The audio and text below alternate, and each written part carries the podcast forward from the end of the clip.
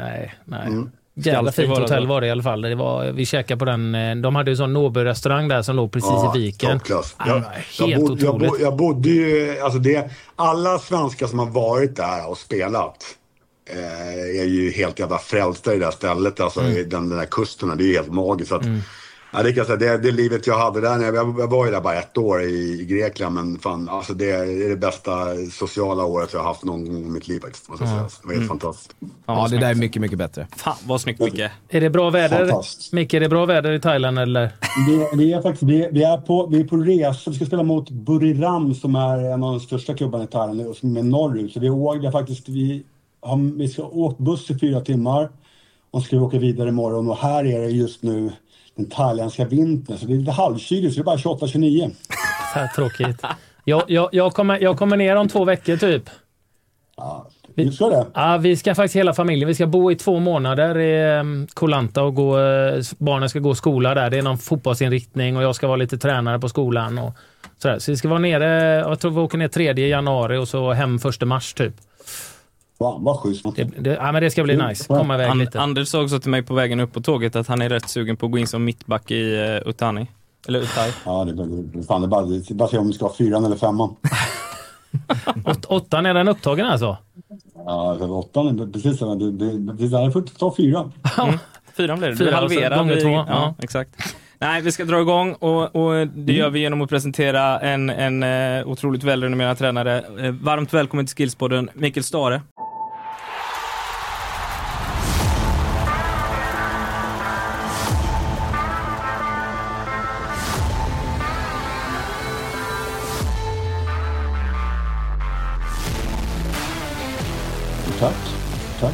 Skönt att vi får eh, träna lite på det här med tidsskillnad också nu när du ska flytta Anders eh, ett tag. Ja.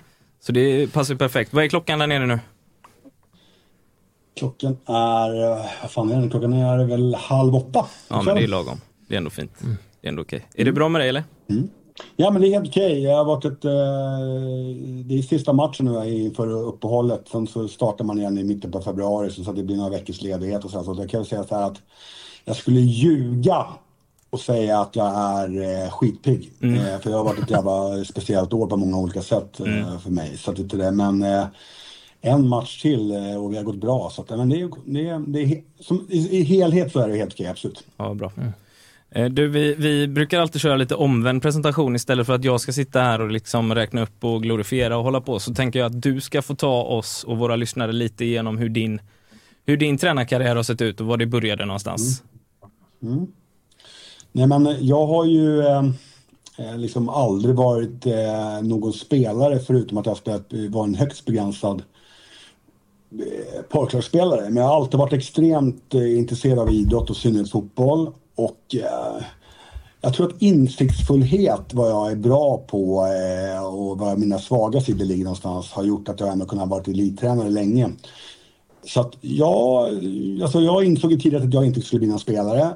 Och jag startade träna pojklag när jag var 14. Så jag har faktiskt tränat pojkar 6, 7, 8, 9, 10, 11, 12, 13, 14, 15, 16, 17, 18, 19. Mm. Jag har tränat division 1 norra, superettan. Eh, jag har tränat, eh, jag har varit i allsvenskan i fyra sessioner i tre klubbar. Jag har varit i Norge, Grekland, USA, Kina och nu Thailand. Så att jag har krigat på liksom. Mm. Så. Eh, och Vissa säsonger har varit, eh, jag har haft riktigt bra säsonger, jag har haft bra säsonger, jag har haft mellansäsonger. Jag har haft också en urusel säsong. Jag har blivit rekryterad eh, och utköpt alltså från, från avtal där folk vill ha mina tjänster och jag har också blivit, fått sparken. Så att jag, ingen kan säga att jag inte har gjort jobbet. Ingen kan säga att jag inte liksom har vet vad, vad tränarmekanismerna vet det, är för någonting. Nej. Det finns en jävla massa tränare som är, som är bättre än mig. Men det finns också ännu mer som är sämre än mig. Mm. Skönt att ligga i det, det övre skiktet där. en bra sammanfattning tycker jag.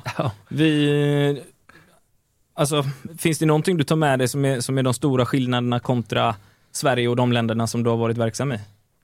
Hur vi tränar och alltså, organisatoriskt och sådär? Nej, men, alltså, det, det, det är klart att, att, att liksom, i grund och botten så är fotbollen liksom en universal sport och den, den, den liksom själva grejen med träning och fotbollsförberedelse och sådär, typ så här, den är, är ju liksom mer lik än olik oavsett var man är någonstans. Sen är det klart mm. att det är skillnad på ligor och det är klart att menar, allsvenskan är inte som Premier League och eh, norska ligan är heller inte som den svenska ligan. Den kinesiska ligan är inte som den, som, som den norska. Och, som typ, men det är klart att det som intresserar mig mest det är ju liksom, jag tycker att ledarskapet är extremt eh, intressant. Och det är mm. klart att jag gillar ju också liksom udda grejer. Så det är klart att, att jag har ju varit jag har varit så här jävligt öppensinnad med att, liksom, att jag vill berika mitt liv.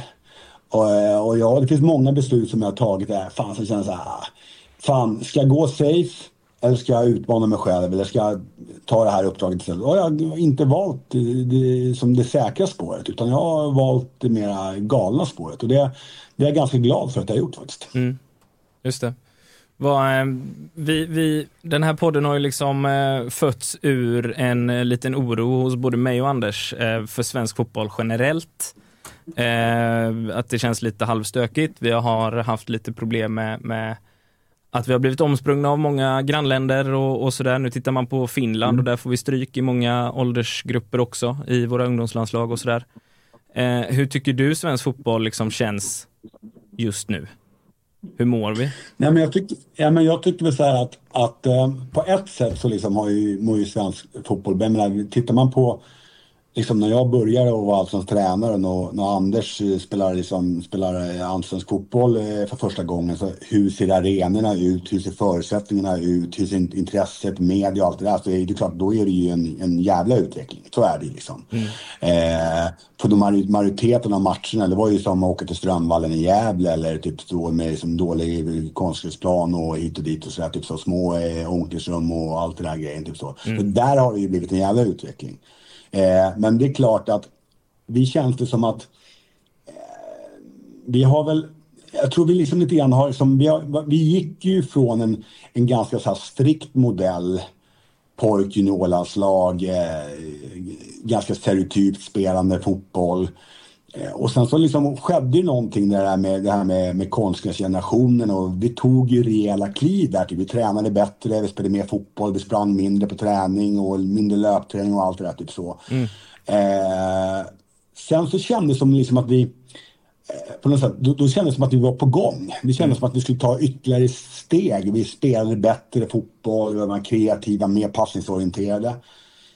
Men det har inte gjort att, liksom att, vi, att, vi, att vi blivit starkare i, i, i, som i en, jag menar den generationen som, som egentligen som senast var riktigt framgångsrika med, med, med, med landslaget exempelvis, hade ju det både och. Hade ju både varit med om den där, den där generationen som hade som hade varit de tuffa grabbarna som, som tränade hårdast och, och, liksom, och, och körde på den strikta modellen.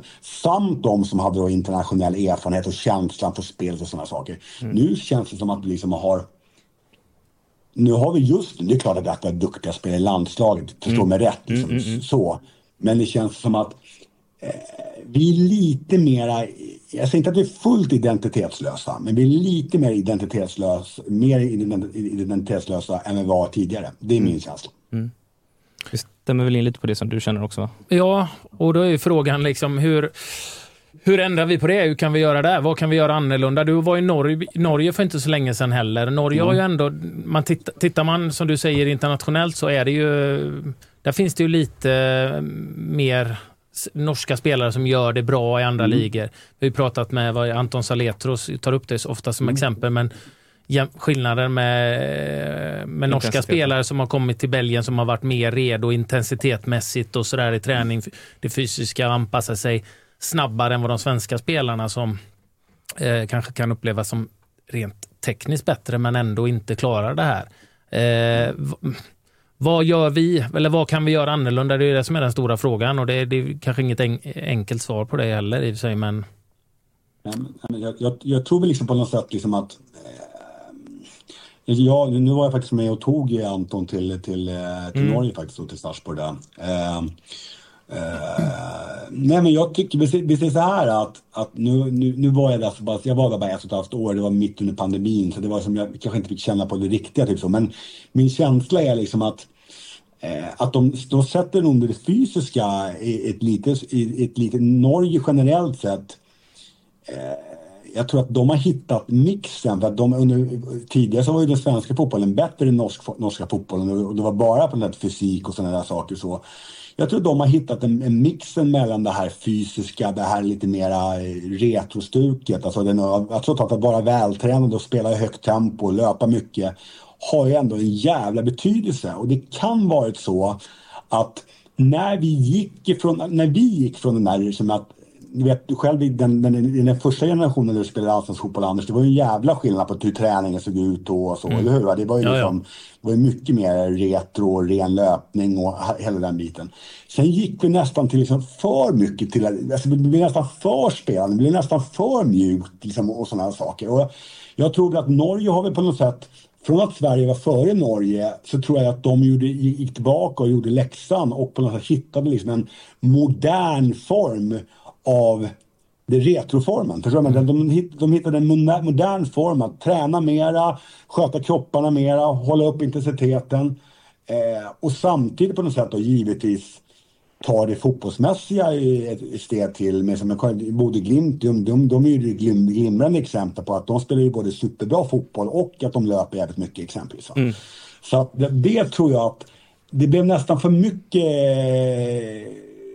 taktisk eh, liksom, periodisering och det blev för mycket eh, spelande och mittbackarna helt plötsligt skulle bara spela. De skulle inte på något sätt nicka och, nick, eh, nicka och tackla som de gjorde förr i tiden. Liksom, typ så. Och det, det tror jag att tittar man på idag liksom så om jag väldigt generaliserar så menar jag liksom, det är klart att vi har bra mittbackar i svenska landslaget också men det är klart att, att om man tittar på generationen tillbaka då hade vi mer eller mindre liksom spelare som, om inte världsspelare så i alla fall nästan till i alla fall, som spelade mittbackar. Och de var ju bra åt båda hållen. De var både spelande och försvarsmässiga. Mm. Idag så på något sätt så bedömer vi ju mittbackar mest hur de, hur de spelar upp den i nästa yta och hur skickliga de är med, med bollen och inte hur de klarar av att försvara med instinkt och på något sätt, och bryta, och, och på något sätt bryta och tackla. Det är min mm. känsla.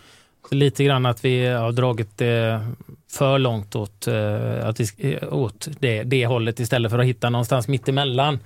Är du inne på då? Jag, jag, jag, ja. Någonting som du nämner också där, som även Anton nämnde, som jag tycker är bra, just det här intensiteten. Det kan jag ju känna igen när jag tittar träningar och, och sådär i, i Sverige. Och det är väl det som gör att Norge kanske just nu är bättre. Att de har en vad ska man säga, inte att de är tekniskt bättre, men de klarar att utföra tekniska saker. Ja. En, vad ska man säga, en funktionell teknik bättre i ett högre tempo än vad vi har. Ja. Eh, och hur gör vi det liksom i träning? Liksom? För ibland känns det som att om vi ska träna mer, vi tränar två timmar, två timmar och 20 minuter. Jag har ju hellre en träning på en timme och en kvart, en timme och 30 minuter där det är hög intensitet och kvalitet hela vägen. Eh, Nej, men... Det är lite känslan som jag har där att eh, att vi halkar efter just det här med intensiteten. Och det, och sen är du, du inne på det också, det håller jag med också helt. Vi har glömt de här fina bitarna med att försvara eh, och det är väl många som skyller det på konstgräset till viss del, men eh, kanske också hur vi bedömer spelare som du nämner, just det här med försvarsspelare. Nu handlar det bara om eh, det tekniska, att kunna spela upp in i, i mellanrummet, passera linjer och just det här försvarstänket som kanske har varit våra styrka hos våra fantastiska mittbackar som vi har haft egentligen generation efter generation. Där det nu står och man undrar, vad är de någonstans? Där brukar det ju vara i, i kö. Jag kommer ihåg Micke Svensson som var fantastisk mittback. Jag spelade med i Southampton och dominerade i Premier League. Men han tog inte plats i landslaget liksom. Nej, nej. nej men, ja, men jag, jag känner mig lite grann så här liksom att att jag tror väl att utan, jag, nu känner inte jag dig väl så, men jag har ju följt din karriär såklart extremt noga liksom och så. Och det är klart att jag tror väl lite grann att, att när du på något sätt var, var, var, var när du var i Allsvenskan till en början innan du flyttade utomlands och kom tillbaka och så, så, så tror jag att du var stundtals ganska kritisk till hur den svenska, alltså just det här med att ja, men vi måste spela mera. För du var ju den typen som var extremt kreativ och sådana saker. Och jag tror väl lite, lite grann så här att jag tror att det är precis sådana såna personer som dig som har, stått för det kreativa. När du säger sådana saker, att du känner att du vill ha mer defensiv instinkt, när du vill att man ska, ska träna mer, när man ska ha typ, eh, och, vet du, mer försvars, försvarsspel i centrum. Jag tror att det är jävligt bra. Jag tror att det är jävligt bra att, att, att, att liksom de som stod för det mest kreativa, för det gjorde du ju, också på något sätt kan highlighta det mera. Jag tror att det är jävligt viktigt för att jag känner att de tränare som, nu är vi, så att nu är jag, jag är ju inte Jag är 48 år, så så jävla gammal är jag inte. Men jag har ju, varit, jag har ju tränat, varit tränare länge. Mm. Så det är väl så liksom att när jag ser också på de, de, skick, de tränare som kommer fram nu. Så, eh, de är ju extremt bra på liksom att jag ska säga så här, hitta liksom, det är en helt annan typ form av planering idag, hur man planerar matcher, vilka ytor man ska bemästra, hur man ska skapa, skapa numerära överlägen. Det var ju mer så här one size fits all i den tidigare generationen, eller hur Anders? Det var ju mm. mycket mer så. Nu är det ju mycket mer på något sätt strukturerat offensivt sätt. Och där kan man säga så här att där tror jag att en sån tränare som Jimmy Thulin, jag tror att utifrån hur jag ser på det, så har han funnit en jävla bra mix mellan att liksom att han var ju extremt spelande tidigare.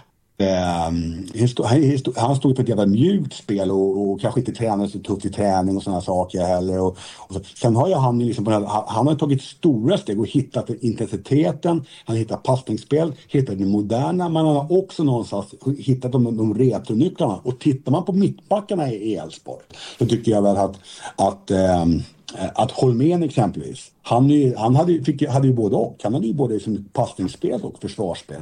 Så att det, så ser jag på det. Liksom, att jag, jag, tror att det är bra med tränare som har både och, så det inte bara blir det akademiska. Nej. Mm.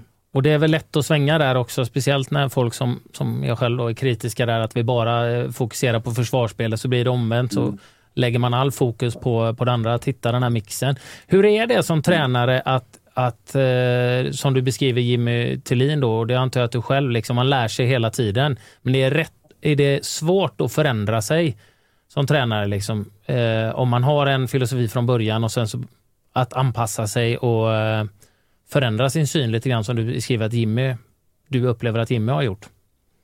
Ja, men alltså jag upplever att det är klart att det, att det är svårt. Samtidigt är det så att man måste också liksom jag har nog, jag har nog ändrat mig, men jag kan säga så här, vissa saker som, som jag ändrar på så har jag bara insett liksom att det är inte, det är inte heller lika med tecken att, att det är till det bättre. Um, jag känner liksom att min, eh, om man ska, om man ska se till mig själv personligen så, um, så tror jag liksom att jag jag tappade bort lite grann av min, min, min, styrka. Det vill säga att jag är bra på när jag driver saker och ting och varit med typ, i ledande position. Och sen så måste jag ha massor av hjälp med, med, med personer som hjälper mig med andra fotbollsmässiga saker. Men jag blev lite för mycket arbetsledare och lite, lite, mer, så här, lite för mycket manager. Och jag, är, jag tror att jag är bra på när jag driver saker och ting. Typ så. så det, på så sätt så, kan jag, så nu exempelvis så, så, så är det mera det jag gjorde tidigare. Liksom så. Sen så kan man diskutera andra former av formation eller taktisk, taktisk idé och sådana saker. Där har jag ändrat mig. Men framförallt så, så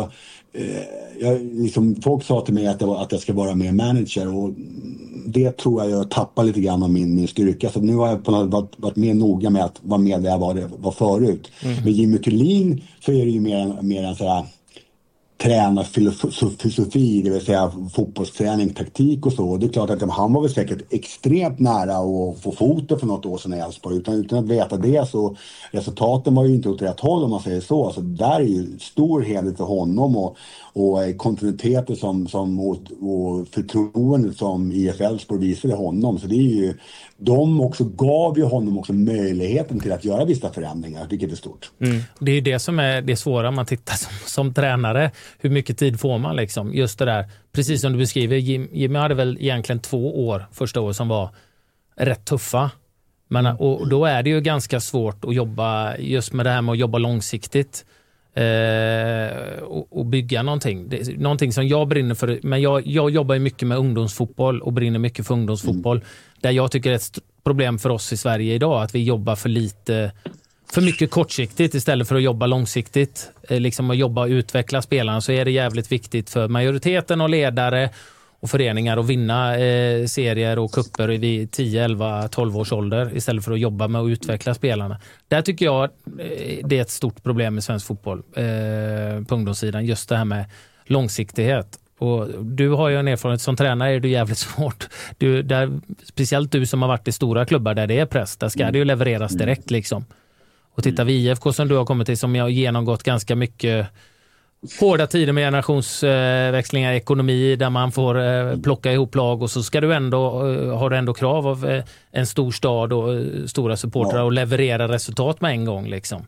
Mm. Ja, men det, är ju, det är klart att det, är klart att det, det är klart att eh, jag, tror att jag tror att på så sätt så är det ju, där har ju Elfsborg ju en stor klubb men i, liksom i en mindre format på något jävla sätt. Och där tror jag liksom att de, de det är klart att i, i, i Blåvitt så är det ju, jag menar varenda gång, jag menar alltså fansen trots allt, i, de ser ju, självbilden är ju, förra, första gången jag var i Blåvitt så liksom, då hade Blåvitt varit trea, varit sjua tre år i rad. Mm. Eh, och det, det var två rad så blev jag sjua det första året jag kom. Och då var det ju katastrof att Blåvitt var sjua. Mm. Katastrof. Mm. Så. Sen så var vi ju, sen blev, vi, sen blev det ju Sen, sen tog vi oss upp igen till nästa nivå och blev trea och blev tvåa två år i rad och sådär liksom så och vann någon cuptitel och sådär liksom så. Så då var vi liksom, då var Blåvitt på väg upp igen. Och sen så på något sätt så liksom, då, sen, sen blev det så jävla, så blev det så jävla stor också. Det blev en så stor skillnad för Blåvitt någonstans gjorde ju inte någon, alltså gjorde ju en total liksom riktningsändring efter det som Blåvitt hade, hade gjort x antal år. Helt plötsligt skulle det ju allting det, det Blåvitt hade stått för skulle ju bytas ut mer eller mindre. Mm. Eh, och man var väl ganska nära på att träffa rätt i det men gjorde inte det och sen så blev det lite grann tillbaka till till basics igen liksom så och sen liksom skulle man göra någon form av modern version av det och sådär liksom så. Så att, ah, inte helt hundraprocentigt men det är klart ibland så, så, så, eh, så önskar man ju mer tålamod. Samtidigt så är jag jävligt också, jag är jävligt så driven av att vinna. Mm. Så att liksom att, eh, jag måste säga det som att eh, på ett sätt så, så önskar man att, man att man skulle kunna få jobba långsiktigt. Samtidigt så går jag lite grann gång på det här galna också. Liksom. Det hetsiga lite grann också? Eller sådär? Ja, lite grann. Ja. Jag, kan, jag, jag kan ju köpa... Emot mig själv. Men när man väl är där så vill man, tycker man inte det är jävla kul. Men jag har ju någon form av så lite grann sån, sån, eh, en sån, vad ska jag säga, det är mitt DNA liksom. Mm. Restless leg som fotbollstränare. Mm, riktigt. Mm. Men det, jag tänker ju på det, och sen kan jag ju köpa, för vi pratade med Tobias Linderoth som också pratade om det, liksom, som var kritisk till det här, tänka långs, eh, långsiktigt och vi ska vinna. Och jag menar, är du eh, tränare för ett representationslag så är det klart att då har du krav och press och förväntan och mål som, som ska uppfyllas och så vidare. Men eh, du av kanske länge sedan du tränade ungdomslag men du har ändå koll och du var i Danmark eller Norge så även om det var ett och ett halvt år. Du har varit i AIK, du har varit i IFK. Skillnad, ser du några skillnader hur man jobbar? Häcken. Har du sett skillnader på ungdoms hur de jobbar med ungdomslag. Det är ju väldigt intressant tycker jag att se hur gör Norge mm. med deras samarbetet, akademi, samarbetet mellan... med ja, samarbetet med, med A-truppen men även eh, hur man jobbar. Liksom just det här med att eh, utveckla spelarna kontra vinna, vinna eh, juniorserier eller vad det nu heter. Då. Ja, men jag kan säga nu, det sägs så här att nu var det så pass länge sedan jag var i AIK men det är klart då, det var ju som, det var ju, jag var ju verksam i AIK från, från eh, millennieskiftet till, liksom till, till 2010 i olika roller och så, så blev jag ju ansvarig tränare och så. Och tränade i AIKs andra lag och så. Och eh, det är väl som, jag och Björn Westström som sen liksom hamnade som sportchef och head, headcoach jag i AIK. Vi hade ju också varit med och, och liksom byggt upp liksom AIKs akademi på ett visst sätt, liksom hur, hur vi tränade, hur vi spelade. Det är klart att det blev liksom, de åren som vi var framgångsrika där blev ju också någonstans en form av eh, det blev också, också resultatet någonstans. Vi, vi drev ju lika bra verksamhet på ungdomssidan som vi gjorde på A-lagsverksamheten under några, några år. Mm. Eh, och där var vi ju extremt tajta. Vi, också, vi rekryterade ledare som någonstans vi gillade att vara med varandra och vi hade samma filosofi och, och, och sånt. Jag upplever väl att, att i Blåvitt exempelvis så var det ju har bra akademi, bra spelare, bra samarbete också. Men det är klart att är, jag har ju varit i AIK, i Blåvitt och i BK Häcken. Och mm. jag vill säga det, det finns ju massor med likheter i de klubbarna såklart. Men det finns också galet mycket olikheter. Det är klart, har du liksom några att, exempel där? Eller? Att, eh, eh, jag upplevde ju liksom att, att Häckens akademi exempelvis valde kanske lite annorlunda typ av spelare. Så, mm. eh, liksom så. Jag, tror, jag tror inte att det är lika stor skillnad idag. Eh, liksom i, liksom i så vilka typer. Så, men det är klart att, att eh, Häcken på något sätt så var, var ju ett mer spelande lag om man, får ut, om man får slänga sig med de termerna. Det är lite väl kanske banalt liksom så. Men det är klart att man hade eh, lite mera olikheter i spelstilar och i personligheter. Ungefär, ungefär som A-laget såg ut ungefär så. Det är klart att, att, att, att att, att Häckens eh, utvecklingstrupp var med, ungefär liknade ju Häckens A-trupp ungefär som att Blåvitts juniortrupp ungefär såg ut som, som A-truppen. Mm. Eh, så. Eh, så det är klart att eh, men, men jag, kan liksom inte, sen har ju alla klubbar sin identitet och klart att, liksom att jag kan ju gilla liksom att att AIK fortfarande är AIK. Att, när att, liksom att, att AIK någonstans, det är inte så att Inter eller Milan ändrar sin skepnad bara för att de gör något dåligt. Och de, deras identitet finns ju kvar. Mm. Och där kan jag väl känna så att när klubbar gör för stora förändringar i sin identitet så kan det ibland gå åt helvete. Och jag tror att AIK någonstans AIK ska nog vara de stora, starka, de tuffa, allt det där. Typ så. Sen kan man liksom ändra spelet. Men jag tror att om de liksom, eh, jag tycker att det ändå finns en viss charm att alla klubbar har sin, sitt, sitt sätt. Så det är klart, så måste man modernisera det så. Man kan inte spela som man gjorde för 15 år sedan. Men jag tror att, liksom, att, ändå att det finns en viss charm med och att, och att klubbar, fansen också kan någonstans eh, identifiera sig med själva att ah, så här spelar Blåvitt eller så här spelar Elfsborg eller så här spelar Häcken. Det tror jag mm. faktiskt. Så. så men eh, bra juniortränare på alla ställen och allt det där typ så. Men li, lite olika form på, på klubbarnas liksom, synsätt. Liksom. Mm. Jag håller med dig där. Jag tycker att det ska finnas, alla ska inte spela på samma sätt eller sträva efter att spela på samma sätt. Det blir ganska färglöst och ocharmigt. Mm. Och, eh, men det jag vill ute efter egentligen är ju lite grann jag upplever också det här att eh, så var det när jag spelade. Nu är det länge sedan jag spelade, det vet vi alla, behöver inte poängtera eh, igen. Men att man, och det jag upplever att det fortfarande är lite så att man är rädd för svenska, att släppa fram unga svenska spelare för att de är inte färdiga, att man säger det. Och så tänker jag bara, okej, okay, upplevde du att det var någon skillnad i Norge? För för mig, med att släppa fram unga spelare, för för mig är ju det största kvittot är ju om en bra akademi, det är om du får upp duktiga spelare som, som tar sig in och tar plats i A-laget. Då har ju du lyckats i akademin någonstans. Och så mm. tänker man på Bode Glimt, hur de jobbade, liksom, hur de satsade mm. på sin ungdomssida, hur de skulle forma och utveckla, utbilda spelare. Eh, håller du med någonstans där om det att vi är lite eh, svaga på det, att vi är lite rädda eller är det en, bild som alltså, jag, är jag, jag, för gammal? Jag, tycker det är lite sådär, typ, jag tror det är lite orättvis bild. Eh, för jag kan känna så här liksom att om man talar för mig själv så för man, man blir jävligt upptagen i det man gör, håller på med själv. Liksom, så, så, kan jag säga, så tycker jag, alltså om jag går tillbaka och tittar på alla allsvenska säsonger som jag har haft så har jag mer eller mindre pekat på någon ung spelare varenda år som jag verkligen någonstans alltså, som har liksom har, ja men dig ska liksom, du är jävligt bra, dig ska ge, ge chansen, dig ska jag göra till allsvensk spelare och det ska jag göra till en spelare som vi ska sälja för 20 miljoner. Mm. Det har jag liksom, det, det kanske var så att det första året i AIK när jag var där, typ så, då hade jag för sig jobbat med talangutveckling och jag hade haft AIKs andra lag i Väsby, i division 1 och Superettan. Så de yngsta spelarna, det är klart att spelare som Mutombo, så här, de var inte så jävla... Han var ju i alla fall så eller så, han var kanske väl, han var väl 24, 24-25 bast sådär typ när han var, så han var inte ung på det sättet. Men då stod, var han, han stod i alla fall för någonting udda då, mm. kan man väl säga så, och mera offensivt.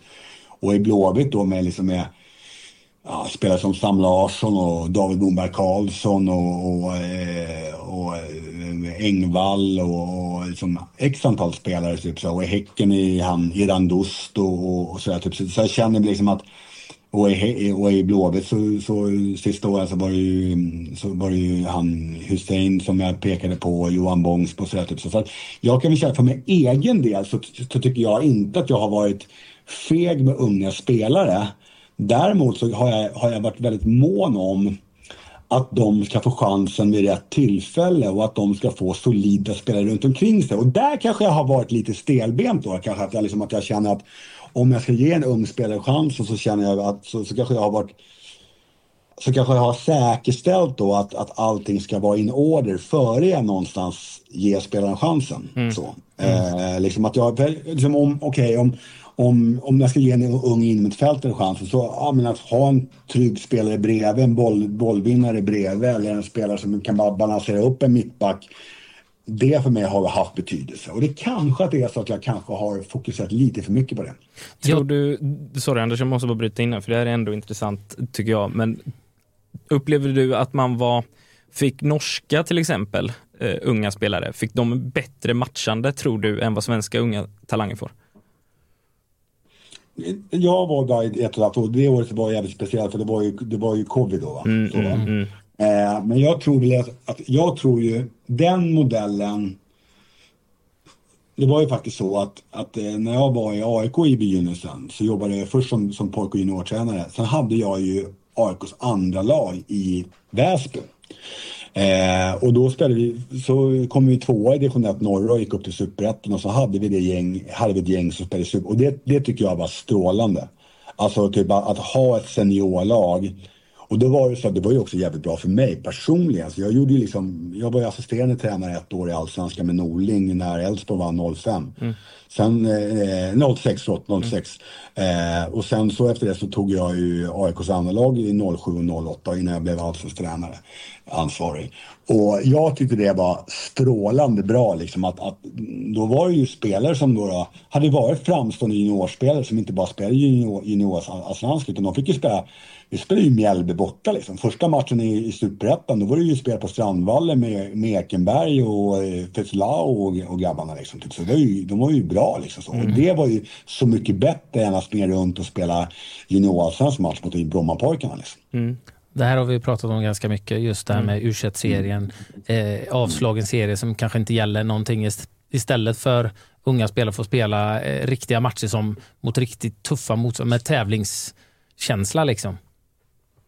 Ja, men, det, den tror jag liksom att, och menar, det däremot, vi kan säga så här att Eh, att det var jävligt utvecklande. För vi hade bestämt om att vid, vid, det, vid det tidpunkten så var det så att kan jag säga så här, det hade varit ett, ganska intressant att ta upp faktiskt. För att det var nämligen så här att, att det fanns en klubb som hette FC Café Opera.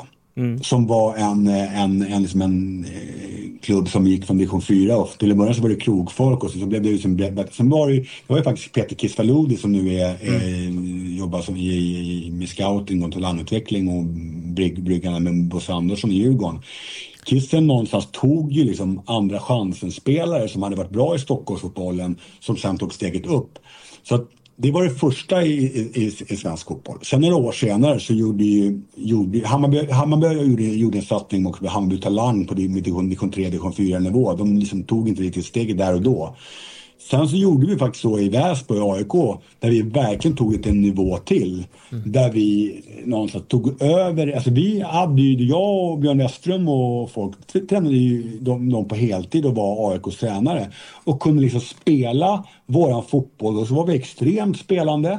Och vi sa så här, ja, vi ska hänga kvar i, i Superettan. Men vi ska fullfölja vår idé och få erfarenhet. Och liksom, vi började så vi förlorade de första fyra eller fem matcherna tror jag i Superettan. Och sen så var vi, blev, vi, blev vi etablerade på vägen och året innan det hade vi dessutom vunnit division 1 norra. Så att där däremot, att kunna få liksom att känna sig fri på en seniornivå. Att veta liksom att jag på ett sätt så ska vi vinna matchen mot Mjällby och mot IFK Norrköping och mot Åtvidaberg. Samtidigt så vet de om också att tränaren kommer inte få sparken om vi förlorar fyra matcher. Mm. Och dessutom så kommer, de att spela, kommer vi spela samma fotboll fast vi förlorar. Det tror jag var jävligt bra för de spelarna. Mm. Det, mm. det tror jag också. Mm. Sen ska jag försvara dig lite i det du pratade om innan, för jag tycker du tänker helt rätt när det gäller unga spelare. Eh, det är att ha någon etablerad med, bredvid sig. Mm. För det upplevde jag, och det blir ju lite, jag vet att mycket har förändrats sedan jag slutade, men jag upplevde det när man skulle testa unga spelare i en träningsmatch eller en kuppmatch eller ja. vad det nu var. Då bytte du ut åtta. Exakt. Hur lätt är det för en ung spelare? Ja, men du tog ju inte chansen där. Nej, men du, jag fick ju inte spela med... Det var ju... Förstår du jag menar? Det är ju lättare om du, om du ger två spelare chansen och nio övriga är normala som brukar spela i, i första laget. Då, då, då ger du dem en chans i rätt omgivning. Så ja, jag tycker du resonerade helt rätt. Och för mig, och för mig, och för mig, för mig har det alltid liksom varit, för mig har det alltid varit viktigt. Liksom. Så jag, som har, jag är skolad i den, liksom att jag liksom, när jag blir tränare, hur perverst den låter, så på något sätt, så jag startar ju min liksom, Liksom, det var, jag var ju riktig muppe liksom. Så, alltså, typ så. Det är klart att, att jag gick och kollade på träning när Tommy Söderberg och Hasse Backe och Hamrén och körde. Typ så. Och typ, jag liksom försökte liksom, typ, säga hur gör man när man är elittränare i fotboll? Liksom. Och så, så gjorde jag lite min egen grej med mitt sätt att, att vara så. Och det är klart att då, då fanns det här med det här, med, det här klassiska, du vet Lagerbäck och Söderberg, vet, de här balanssiffrorna och klart, okej, okay, ska vi ha utrymme för den här spelaren? Ja, fan, då behöver jag ha också en äldre spelare som har mer bala, en defensiv balanssiffra bredvid mig. Och för mig har det alltid haft en stor betydelse. Eh, men det kan ha varit så att det kan ha varit en också att, eh, att ibland så har jag på något sätt har jag, ah, att det kanske skulle ha utmanat mig, utmanat mig själv lite mer. Typ så. Samtidigt har jag också vetat om att det är faktiskt så att jag har ju, även fast jag har haft tuffa säsonger och jag har gjort dåligt ifrån mig så, här, typ, så har jag trots allt liksom, jag har lyft fram ganska många elitspelare i fotboll.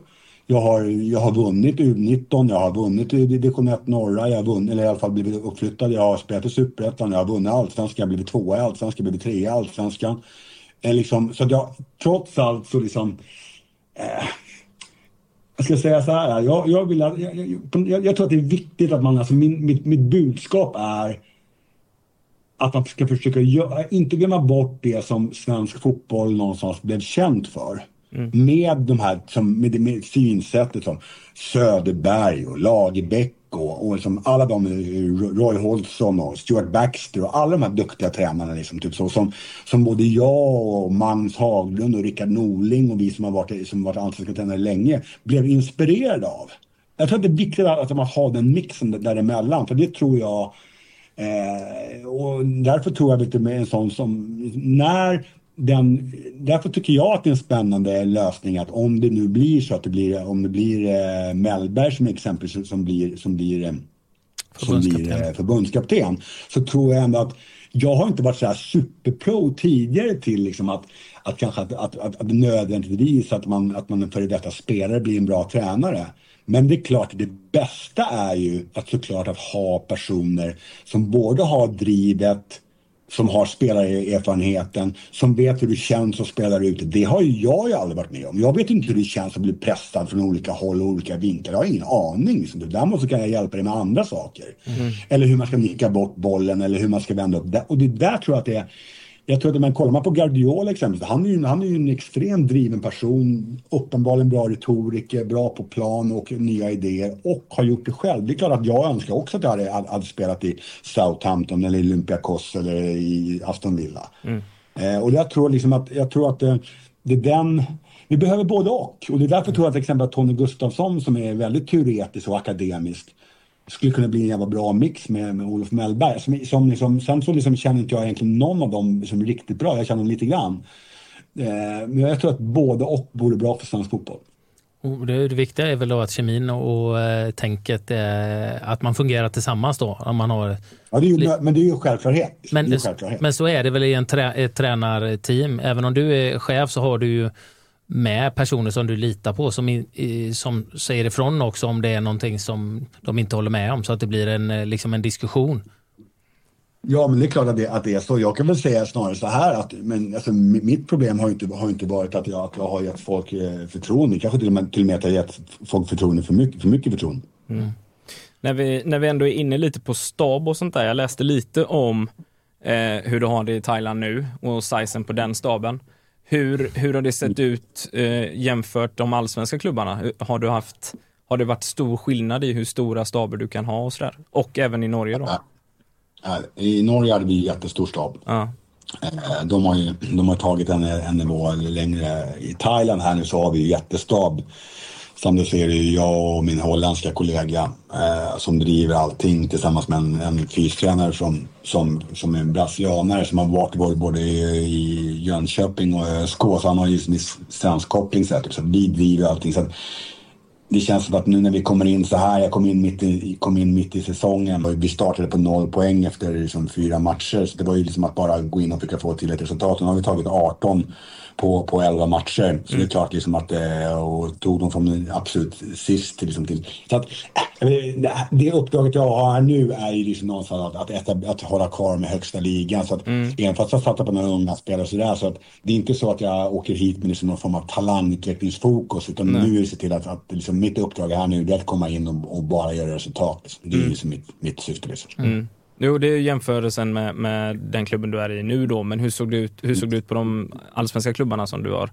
varit verksam i? Ja, men ungefär, li, ungefär liknande. Två, eh, två assisterande tränare, eh, fystränare, mm, ja, videoanalytiker. Så där ser vi, det känns som att min känsla är det, att det är väl egentligen Ja, vi gjorde ett försök med att, att använda eh, fast situationstränare, vilket jag tror är jävligt, jag tror det absolut ligger i linje med det moderna att ha en specifik sån. Mm.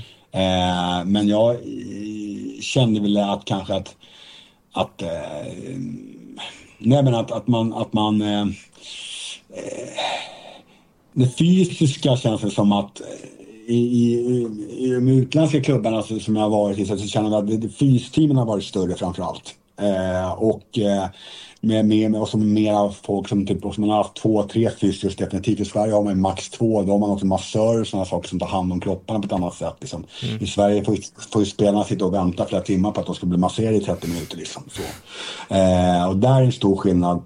Och så, så känner jag väl det liksom att, att ähm, äh, att, eh, att, liksom att analysbiten så känns det som att egentligen bara Malmö har väl också använt mycket ganska, typ så här, eh, har vi haft mer folk som jobbar med analys och sånt där mm. än vad och även också individuell uppföljning av spelare som har varit utlånade och så. Så jag tror att Malmö är väl de, den klubben som det tror jag, min känsla är att de har absolut störst resurser runt lagen medan de andra svenska klubbarna har, ser ungefär liknande ut. Man har man har två assisterande tränare, man kanske har en transition coach och sådär. Mm. Typ så. så att, där tror jag man jobbar hyfsat lika och någon analytiker. Men det är Malmö som jag tror ligger på en nivå till när det gäller personal. Det tror jag. Mm. Och de har väl lite andra resurser än övriga svenska klubbar Exakt. också. Mm. Exakt. Och där, det är väl en ganska utstakad eh, strategi av MFF också va? Att, att om man inte kan ge dem speltid i seniorverksamheten så är man rätt duktiga på att låna ut va?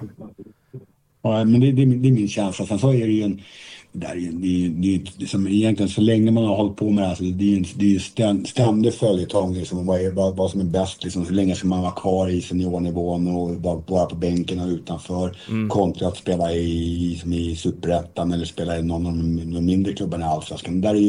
det finns ju så jävla massa olika liksom. Där finns det ju Därför tycker jag att det är kul exempelvis en sån som Lagerbjälke exempelvis. Mm. Som liksom har gått en annorlunda väg. Jag tycker det är jävligt, det däremot tror jag det är jävligt bra för svensk fotboll. Mm. Att nu när akademierna har blivit bättre att det nödvändigtvis inte behöver vara så att man alltid ska gå via den här elitakademin. Utan att också finns det olika vägar. Det tror jag är svinviktigt däremot. Mm. Att man liksom, att inte, att, att man, det, bara för att det är rätt för honom så behöver det inte betyda att det är rätt för, för, för honom att göra någonting annorlunda. Den tror jag är superviktig. Alltså. Att, för det kanske är skitbra att spela i division 2, liksom, typ så. men det är inte säkert att det är bra, bra utan för, för, för honom och honom. Utan individuellt individuell och se på vilka egenskaper den här spelaren har. Liksom, och vad det är för sinne på killen. Liksom. Mm. Eller ja. tjejen för den delen. Ja. Nej, jag tycker också det är bra att det finns olika vägar att gå. Just eh, som jag sagt, jag brinner mycket för ungdomsfotbollen. Jag kan ju se det, akademierna blir bättre och bättre och de är jättebra på många sätt. Men jag kan ju uppleva det ibland lite som ett problem när de väldigt många klubbar vill gå dit. Men du kan ju ha spelare typ i 13-årsåldern där eh, 20 spelare går eh, eh, till, till, en akademi och det är 20 väldigt duktiga spelare och så är det typ 10 ja. stycken av dem som spelar. Och där är det ju ganska hårt liksom. Eh, ja, och då, då, har de dessutom kanske i sina städer inte så många andra lag att möta. Att man borde mm. kunna ha ett bättre samarbete istället för att ta in 20 eh, spelare där och så är det 10, 11, 12 av de 20 duktiga spelarna som får mycket speltid och mycket utveckling istället för att ha bättre samarbete med klubbarna runt omkring. Att de är, att de är kvar, att man kanske jobbar med, med breddklubbarna i sina städer på ett sätt. Ja men absolut, men alltså det, det, det, tror jag är svinviktigt. Liksom så. För det, men det gäller ju också för att en, det är ju lätt liksom att om, om en kille som är som du säger, en, en, en bra, alltså alla U19-trupper egentligen i alla allsvenska, alla allsvenska, allsvenska akademierna, i synnerhet i storklubbarna, har ju bra, de tar ju spelare från hela landet och mm. juniorlands, pojk och juniorlandsspelare och så. Som du säger, det, det, kan ju vara nog så tufft att bli utvald bland de tio bästa i 19-årslaget, eller hur? Mm. Så kan det ju vara liksom så. Eh, och att, man, att det är många som konkurrerar om, om samma platser, för så många platser finns det ju inte varje år och liksom man, men så tar man ju in, jag menar, som det är Ockel så man ska passera och han ska man passera i i Elfsborg och man ska passera han i AIK. Så det är inte helt lätt att göra det. Liksom så. Mm. Däremot tror jag det problemet är när man går till den lilla klubben. Så har man vant har man, har man spelat i akademin i AIK exempelvis, eller Djurgården, eller i Elfsborg eller i Blåvitt, ja de har haft helt anställda tränare. Du har liksom, eh, du tränar bra träningstider, du åker på fina träningsläger, du är i, tränar i fina inomhushallar, bra tider, du har fina träningskläder. Och sen helt plötsligt ska du, ska du orka någonstans att kalibrera om, att träna liksom typ 20-30 istället när, när elitklubbarna har, har gått av. Då ska du gå in och köra där, typ så.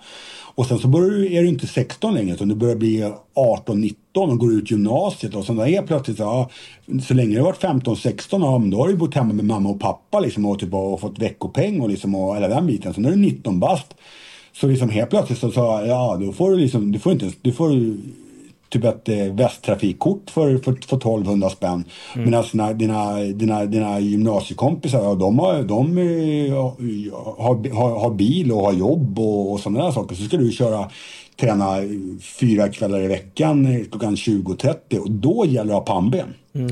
Absolut, jag är helt med. Jag, jag, tänker mer på yngre åldrar, liksom 10, 11, 12, mm. där liksom 13.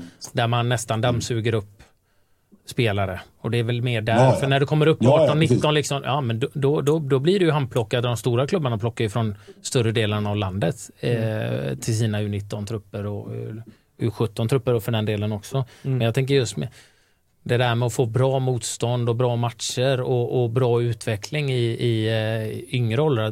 Det är mer det jag menar, liksom, att akademierna plockar upp 20 spelare där någon har varit bra i, vi säger i, i lilla Vessige eller vad det nu är liksom och spelar och är, är jätteduktiga där två stycken och så går de till Halmstad BK eller vad det är liksom där de har ja. 20 stycken av samma kaliber så får de inte där känner jag att Nej, man skulle kunna som akademiklubben ha bättre samarbete i tidig ålder. Ja, ja. Och det, det då återgår jag lite till eh, som jag hörde om Bodö Glimt. Nu kan inte jag det helt hundra så får rätta mig om jag har fel Marcus eller eh, Mikael. Men eh, mm. Det här med att de anställer tränare. De har inga lag under, var det 17 år, mm. Borde Glimt, utan de anställer tränare, Borde Glimt, som är ute och jobbar med de mindre klubbarna där, ser till att de får så bra utveckling som möjligt. Och där menar jag att, tar du Göteborg till exempel, IFK, Gais, Häcken, så här, de borde ju jobba med breddklubbarna och se till att det är utbildade ledare, att det är bra träningar mm. där. För att när de spelarna kommer upp i en viss ålder och når eh, då, då kommer de gå till de klubbarna oavsett och då har de ja. istället för att ta in 20 spelare och använda 10. Ja. Lite det, det, det jag menar ja. i den yngre åldern. Typ. Mm. Ja, men det, det håller jag helt med om. Alltså, ärligt talat, vad man, går, vad man spelar någonstans när man är, när man är 10, 11, 12 år, det, det tror jag är högst. Eh, det tror jag är högst. Eh, det är klart att, det, jag menar, jag tror att, jag tror att fotbollen överhuvudtaget, för det är liksom, jag har bara ett exempel. Min, Eh, Eh, min eh, syster eh, och hennes man liksom har söner som spelar i förslag i, i Stockholm. Liksom så. Och när jag går ner och tittar på när de, när de spelar och hur de tränar.